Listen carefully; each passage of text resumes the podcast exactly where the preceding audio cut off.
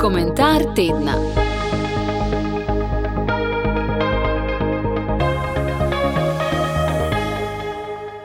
Komentar tedna je danes pripravil politični analitik, publicist, urednik revije Zaveza in direktor Rafaelove družbe Lenard Trihar. Naslovil ga je Pahorjev podpis. Največjo premoč je tako imenovana levica v Sloveniji dobila z manipuliranjem javnega mnenja. Prehod v resno demokracijo je bil že od začetka onemogočen z lansiranjem besed, kot je revanšizem, preštevanje kosti, nove krivice. Z ohranjanjem močno prevladujočega vpliva so to igro peljali naprej in danes se poglede, ki so stoletja veljali za osnovne, sredinske, konstitutivne, zlahka označi za skrajne. Vse to nagibanje v levo pronica tudi na demokratično stran. Ko smo pred pol tretjim letom dobili vlado, v kateri sta bili dve levi in dve desno-sredinski stranki, so komentatorji tako imenovanih desnih medijev kot hipnotizirani ustrajno pisali, da imamo desno ali desno-sredinsko vlado. Nikomur ni prišlo na misel, da je to mešana koalicija. Take stvari imajo večji vpliv, kot si mislimo, in tako ni čudno, da je danes za leve zvočnike praktično vse, kar ni skrajno levo, mimo grede označeno za fašizem. Ne verjamete? V zvezi z migracijami omenite zakonitost, pa boste videli. Ali omenite domoljubje kot vrednoto, ali pa morda to, da imajo otroci, ki se še niso rodili, tudi pravico živeti. V taki mentaliteti imajo leve vlade lahko delo. Servilnost medijev je neverjetna, COVID-a kot da ni. Če je bil pri prejšnji vladi škandal zaradi regularne zamenjave kakega funkcionarja po koncu mandata, danes nihče ne problematizira ničesar, pa ne se dogajajo še tako absurdne ali škodljive stvari. Tudi če gre za mednarodno politiko in ugled Slovenije, je tako.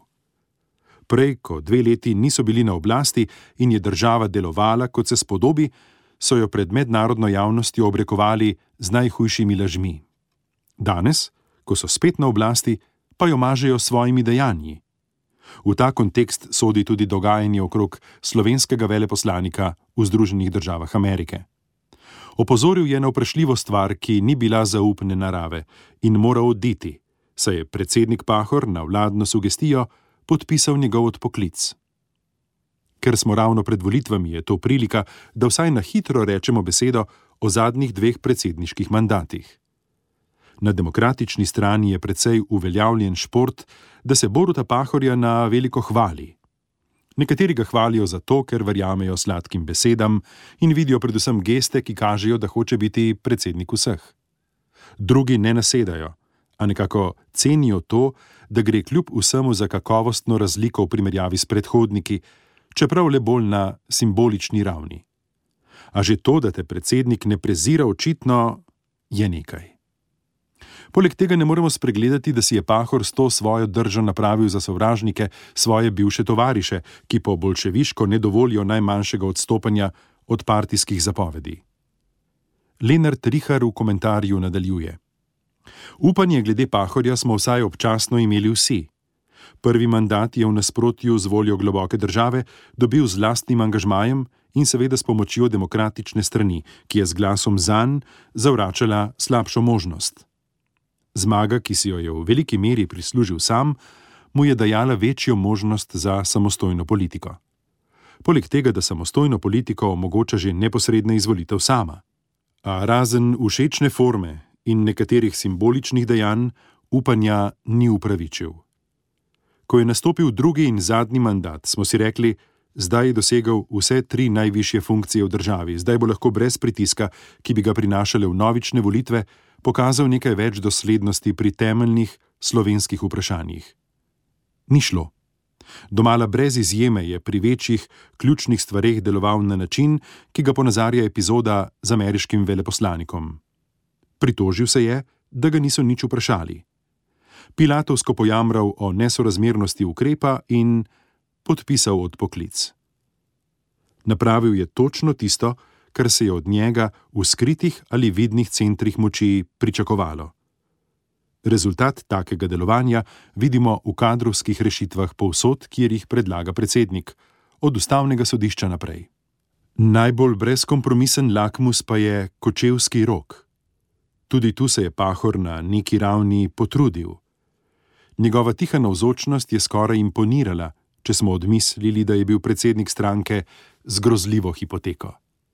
Besede, kadar so bile, pa že niso znale prek neke meje dojeti ne kraja, ne zgodovine, ne aktualnega slovenskega trenutka. Na prav posebej žalosten domet, ki malo da ne izničuje vse ostalo, pa kaže dejstvo, da se je vedno znova, ko se je poklonil žrtvam, znašel tudi na manifestacijah, kjer se zločin nad istimi žrtvami tako ali drugače malikuje. Ne moreš služiti Bogu in mamonu, smo poslušali v evangeliju preteklo nedeljo. Skratka, predsednika Pahorja si bomo zapomnili potem, da se je na svoj način trudil, da je uporabljal vključujoče besede in delal tudi simbolne korake. A velik bo le na ozadju svojih klavrnih predhodnikov in morebitnih naslednikov iz istih ideoloških vrst. In samo v tem smislu se nam zlahka zgodi, da ga bomo še pogrešali. Tako v komentarju Pahorjev podpis razmišlja politični analitik, publicist, urednik revije Zaveza in direktor Rafaelove družbe Lenard Rihar. Njegov komentar sem prebral Jure Sešek. Komentar tedna.